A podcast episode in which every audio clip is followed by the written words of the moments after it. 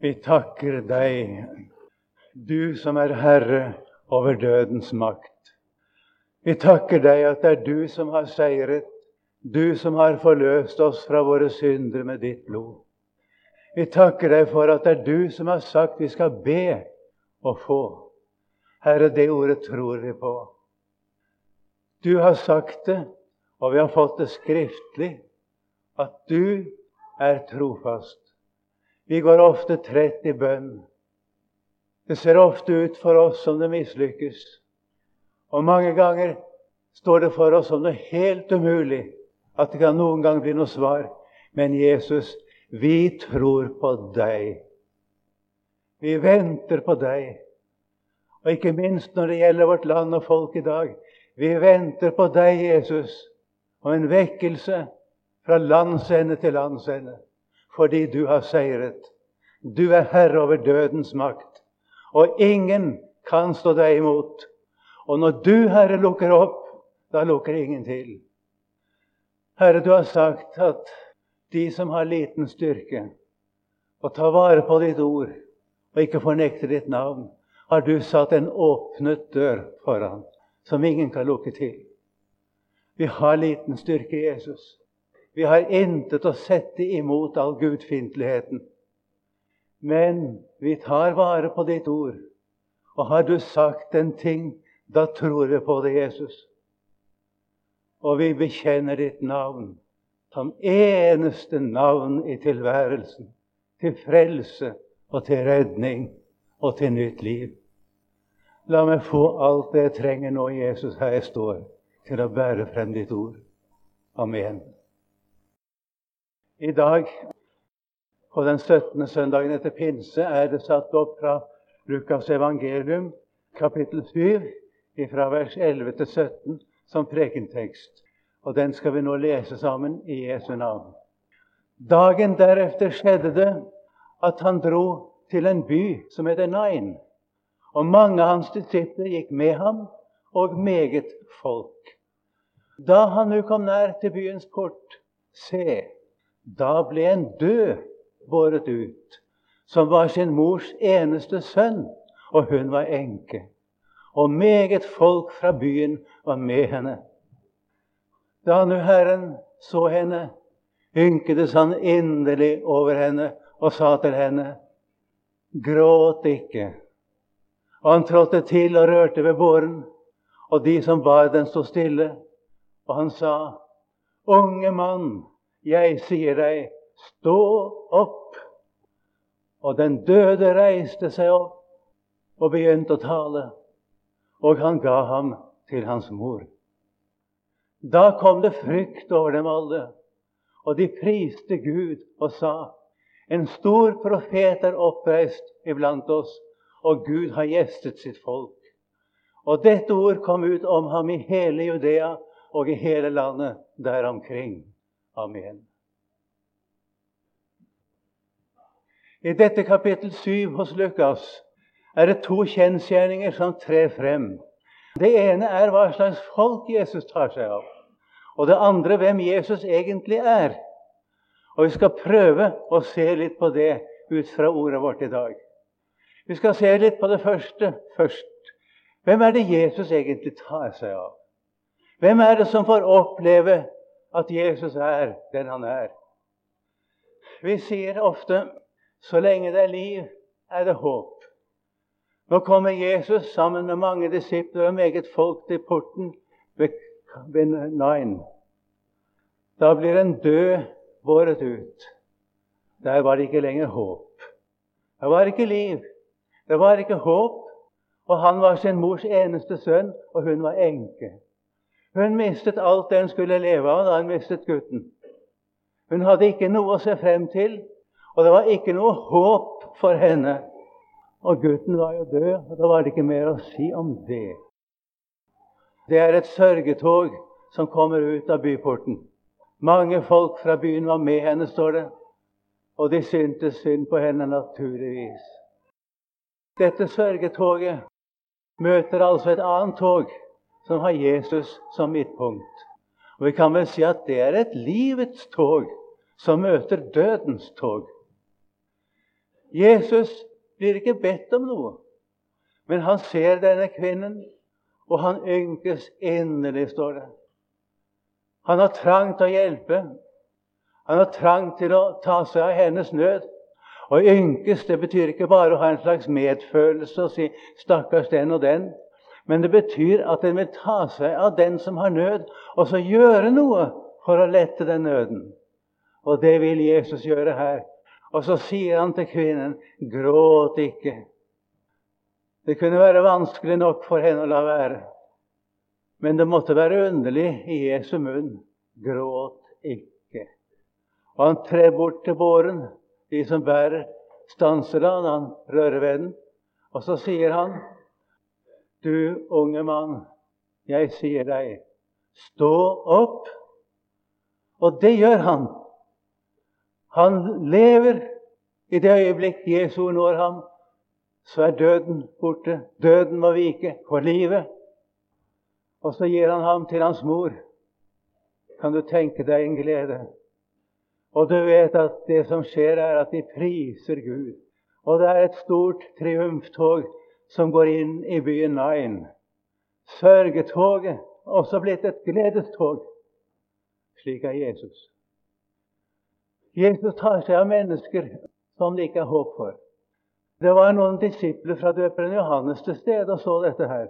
Og De kommer tilbake og forteller Johannes at Jesus har vakt opp enkens søndag ved Nain. Og Da er det Johannes sender bud til Jesus uten at de skal ta tid til å stanse mer for det. Han spør er det du som skal komme, eller skal vi vente en annen. Men vi skal peke på Jesus' svar. Gå bort og fortell Johannes det som vi hører og ser.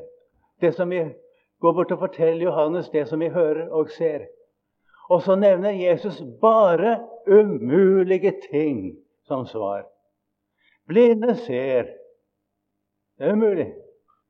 Og så står det egentlig i grunnteksten 'lamme går'. Det er oversatt med 'halte', men det betyr at de var lamme. Lamme går. Det er umulig. Spedalske renses. Det er umulig. Døve hører. Det er umulig. Og døde står opp. Det er også umulig. Det skjer der hvor Jesus er. Og så kommer det en ting til. Og evangeliet forkynnes for fattige. Kjære venner, det er også umulig. Det tenker vi ikke på. Når er det et menneske får se evangeliet? Når han ikke har noe mer håp for seg. Johannes har blitt fattig da han satt i fengselet. Han hadde jo ikke vært noen rik mann noen gang. Men han har iallfall stått i en stor virksomhet. Nå har han ikke den heller. Nå sitter han der, får ikke så meget som en hilsen fra Jesus. Nå var døperen fattig. Og så kommer budskapet evangeliet, det glade budskap, det budskap som frelser menneskene og gir dem liv i Gud, det forkynnes for fattige. Og salig er den som ikke tar anstøt av meg. Dette går igjen hos Jesus. Og Nå skal vi gå over til å se litt mer på hvem Jesus egentlig er. Jesus gjorde en slik gjerning som vi leser om i Johannes 5, da han helbredet en mann som hadde vært syk i 38 år. Sikkert en mann som var syk fordi han hadde syndet. Det ser at Jesus sa til ham i tempelet, 'Se, du er blitt frisk. Synd ikke mer, for at ikke noe verre skal vederfares deg.' Så går mannen bort og forteller, at det var jødene, forteller jødene at det var Jesus som hadde gjort ham frisk. Og de kan ikke tåle at han går og bærer sengen på en sabbat. Tenk på en sabbat å gå og bære på en seng. Og tenk at Jesus hadde helbredet denne mannen som har vært syk i 38 år, på en sabbat. De var meget nøye med sabbatsbudene. Men du ser at Jesus hadde ikke brutt noe sabbatsbud etter loven. Men hadde bare brutt alle de forskrifter som menneskene hadde lagt til. Dem brydde han seg ikke om. Det var naturligvis ikke forbudt etter Guds lov å helbrede en syk på en sabbat. Men jødene nektet å godta det. Og så sier Jesus noe og det må du merke deg. Min Fader arbeider inntil nå, også jeg arbeider. Jødene forsto det ordet, men folk i dag forstår det ikke. Vanligvis. De tenker at ja, Faderen i himmelen arbeider. Og i tillegg til hans arbeid kommer også Jesu arbeid. Men det er ikke det det betyr. Det ser du av det Jesus sier videre. Jødene De står Jesus enda mer etter livet fordi han kalte Gud sin far. Ikke bare brøt sabbatsbudet etter deres mening, men kalte Gud sin far og gjorde seg selv Gud lik. Og så sier Jesus noe. Sannelig, sannelig, sier jeg dere, sønnen kan ikke gjøre noe av seg selv, men bare det han ser Faderen gjør. For det Faderen gjør, det gjør Sønnen likeså. Det er Faderens gjerninger Jesus gjør. For Faderen elsker Sønnen, står det, og viser ham alt det han selv gjør. Og han skal vise ham større gjerninger enn disse for at de skal undre eder. Og en av disse større gjerninger har vi lest om i ordet her. Jesus taler om dette selv videre nedover. Han vitner om hvem han egentlig er. For, står det, like som Faderen oppvekker døde og gjør levende, således gjør også Sønnen levende hvem han vil. Dette kunne ikke jødene forstå. Og det spørs om vi i dag forstår det heller. Men vi bare vi tror på det, så får det være som det vil med hvor meget vi skjønner av det. Bare vi hører Jesus og tror på ham. Og han, Det står videre for Faderen dømmer heller ikke noen, men han har gitt Sønnen hele dommen, står det, for at alle skal ære Sønnen like som de ærer Faderen. Og så hør nå den som ikke ærer Sønnen, ærer ikke Faderen som har sendt ham. Det er mange i dag som sier de tror på Gud. De vil ære Gud, men de nekter at Jesus er Gud. Det er velkjent. Her sier Jesus den som ikke ærer Sønnen, ærer heller ikke Faderen. Vårt forhold til Faderen i himmelen er slik som vårt forhold til Jesus er. Det er ikke annerledes. Den som, eller Hver den står nøyaktig, som nekter Sønnen, har heller ikke Faderen. I Johannes første brev i kapittel 2. Man kan ikke nekte Sønnen og samtidig eie Gud. Og denne allmennreligiøse Gud Fadertro som omgir oss, den har intet med kristendom og gudsfrykt å gjøre. Det er den som er Sønnen, som er Faderen. Og så kan vi spørre hvorfor legger Jesus så stor vekt på vite om dette. Nå skal du høre svaret. Det står i Johannes 5, vers 22. Sannelig, sannelig, sier jeg dette. Vers 24, mener jeg. Johannes 5, vers 24. Sannelig, sannelig, sier jeg dere. Den som hører mitt ord og tror Ham som har sendt meg, han har evig liv og kommer ikke til dom, men er gått over fra død til livet. Den som hører mitt ord og tror Ham som har sendt meg, han har evig liv. Du som nå sitter her i denne forsamling, tror du dette? Ja, sier du. Jeg vet ikke om jeg tror det som jeg burde tro det. Det vet jeg ikke. Men er det noe jeg vil, er det noe jeg ønsker, er det å tro på Jesus og tro på det som han sier om hvem han er. Du tar imot Jesu ord allikevel som et ord fra Gud. Det gjør du. Så vil jeg si deg i Jesu navn du har evig liv, slik som jeg føler meg. Ikke spørsmål om hva du føler deg. Jeg skal si hva du føler deg. Satan setter inn på deg og sier at du kan ikke være en kristen slik som du er. Tenk på hva du har sviktet. Ja, kjære venner, hva ser vi i Guds ånds lys? Hvem er vi mennesker? Hvem er du, og hvem er jeg? Vi har løyet. Vi er ikke til å stole på i oss selv. Vi er æresyke. Vi er urene. Vi er hovmodige.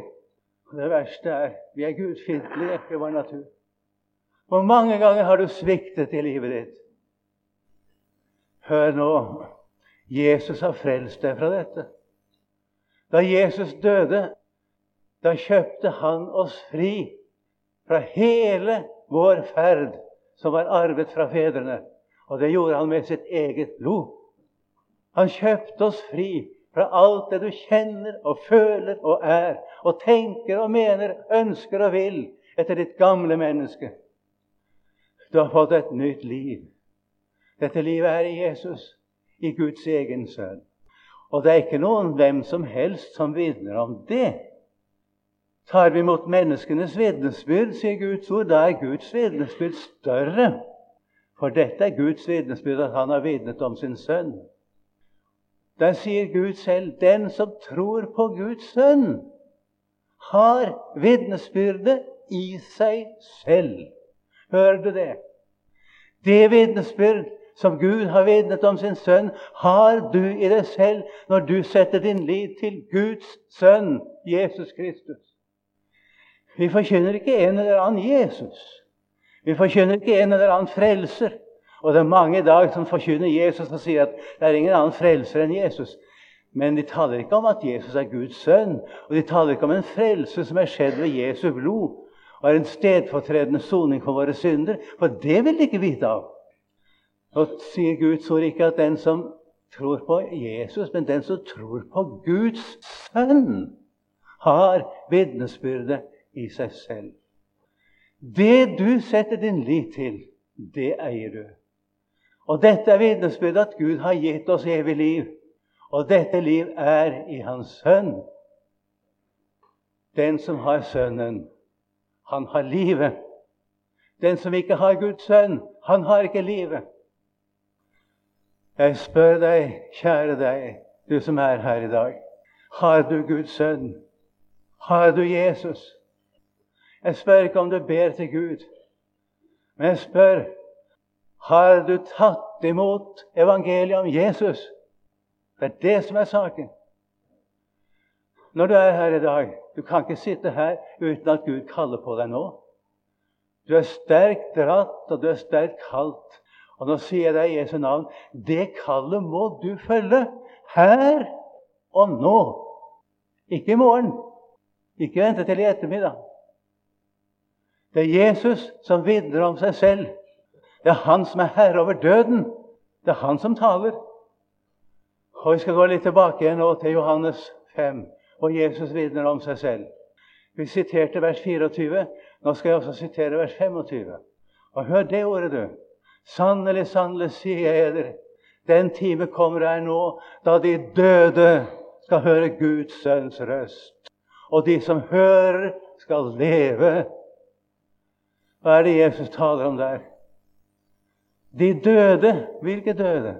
De som ikke har liv i Gud. Jesus sier om alle som ikke har liv i Gud, at de er døde. Ja, de døde begraver sine døde, sa Jesus. Du som ikke har Jesus, du er død. Du har ikke livet fordi du ikke har Jesus. Men hør nå. Den time kommer, og den er nå.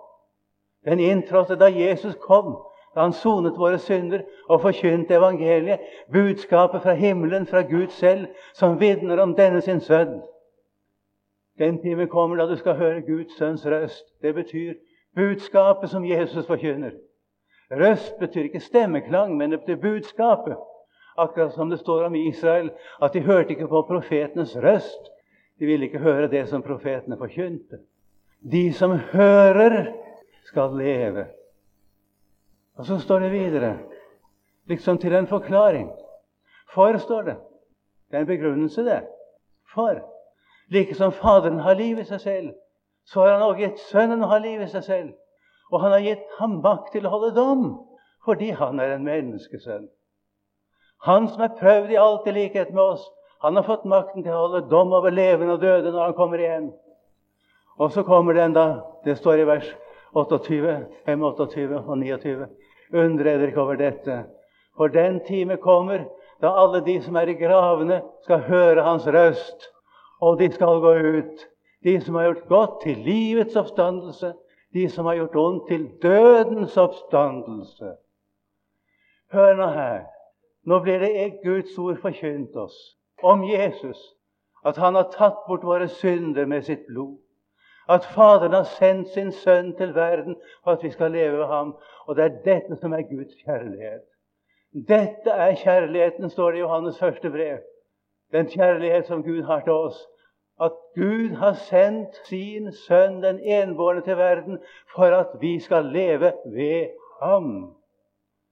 Å tale om Guds kjærlighet uten å tale om Jesus som har tatt bort våre synder, det er vranglære. Vil du være gjenstand for Guds kjærlighet, så kan du bare være det på én måte ved å ta imot Jesus. og kommer hele ditt liv inn under Guds velsignelse. Jesus har oppfylt loven istedenfor oss. Loven sier at den som holder budene, han har rett til velsignelse. Jesus har gjort det.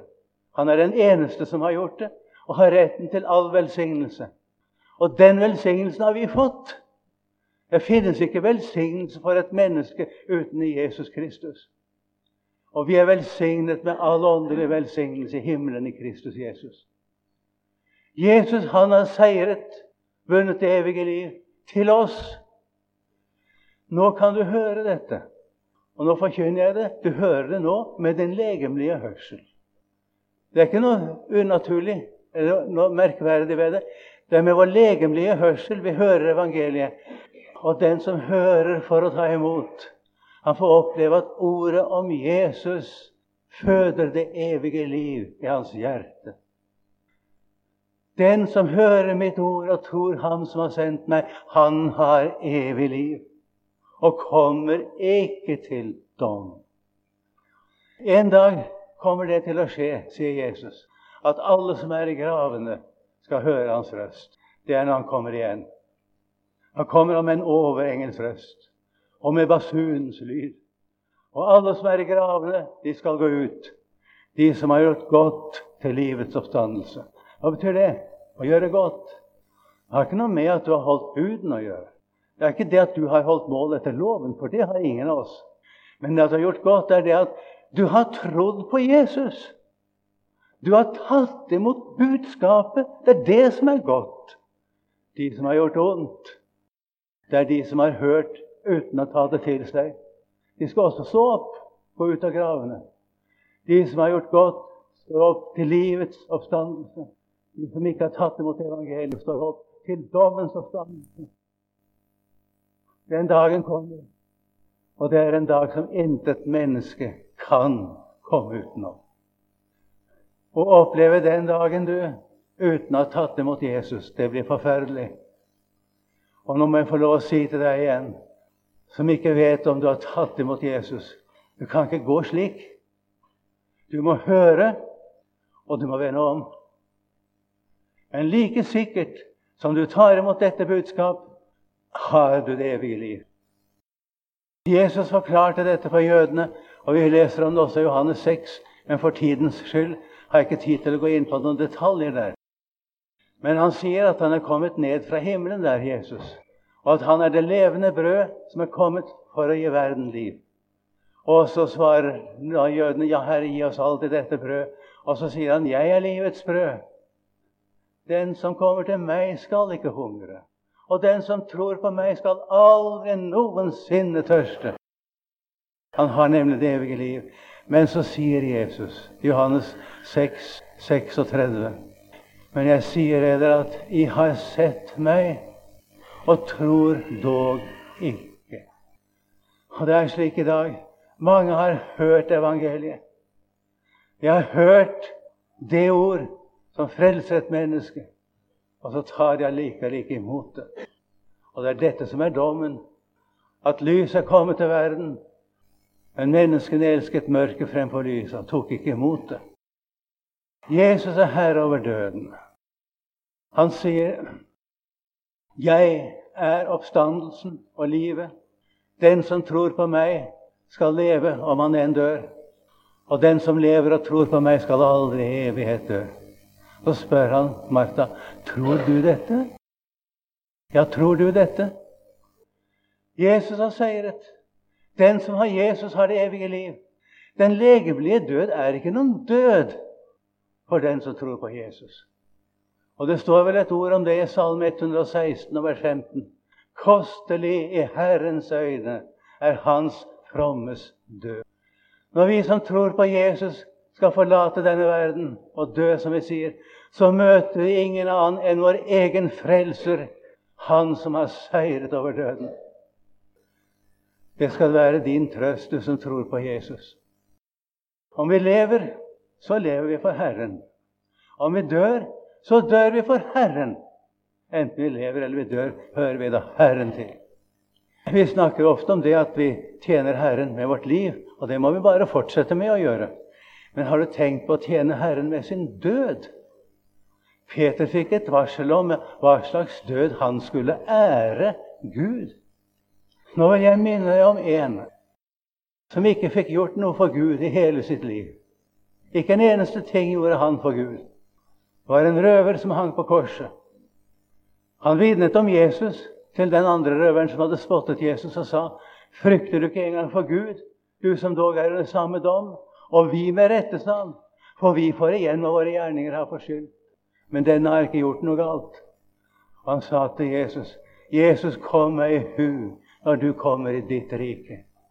Da svarte Jesus, 'Sannelig sier jeg deg, i dag skal du være med meg i paradis.' Han ble frelst. Han døde salig. Og nå vil jeg spørre deg om noe. Hvor mange millioner mennesker tror du det er som er blitt frelst pga. dette vitnesbyrdet av røveren? Og det var et underlig vitnesbyrd. Han minnet at han som hang midt imellom dem på Golgata, det var Gud under deres egen dom. Frykter du ikke engang for Gud, du som dog er under samme dom? Og vi med rette, sier han. For vi får igjen når våre gjerninger har forskyldt. Vi har fortjent det, men ikke han. Og så har han visst ikke mye håp om å bli frelst, men han så ikke 'Å, Jesus'. Bruker hans menneskelige navn. 'Kom meg i hu når du kommer i ditt rike'. Og med det mener han tydelig Guds rike. At Guds rike tilhører mennesket Jesus som henger på korset. Det er litt av et vitnesbyrd, ja. Og svaret kommer. Sannelig sier jeg deg, i dag skal du være med meg i paradis. Han ble frelst. Men han hadde ikke gjort noe for Gud. Og allikevel vil jeg spørre deg hvor mange millioner mennesker tror du han er blitt til hjelp for her i verden? Det er et vitnesbyrd om å tjene Gud med sin død. Det kommer du og jeg også til å gjøre. Det er et levende vitnesbyrd for menneskene når en går bort som går bort i troen på Jesus. Jeg var nylig i en begravelse til en slik. Det var som å være i himmelens forværelse. Det var noen verdslige mennesker der. Du kan tro de var kalt av Gud. Og de så og hørte det som ble sagt til den begravelsen. Det var underlig å høre hvordan det hadde grepet dem. Og jeg er sikker på at det kom til å bli til frelse for noen av dem. Jesus har seiret. Og Luther sier fordi Jesus har seiret og er alle tings herre, så har også den som tror på ham, seiret og er alle tings herre. Det er store ord, men det er sant. Jesus har seiret og er alle tings herre. Herren over dødens makt. Han har seiret over djevelen, over verden, over vårt gamle menneske. Over alle våre virkelige fiender. Den som tror på ham, seirer. Han seirer i kraft av lammets blod og det vitnesbyrd som vi vitner som nettopp er Guds eget vitnesbyrd om sin sønn. Jeg hadde lyst til en gang å spørre til Kan du som er på møte her i dag, la være å tro på dette? Kjære deg, her er frelsen.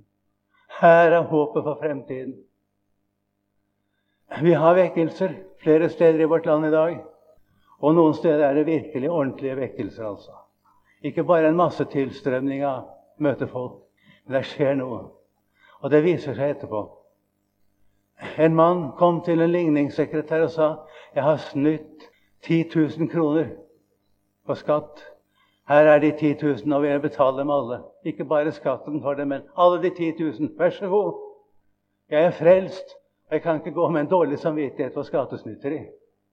Noen av ungdommene sto frem og vitnet. Jeg hørte det selv.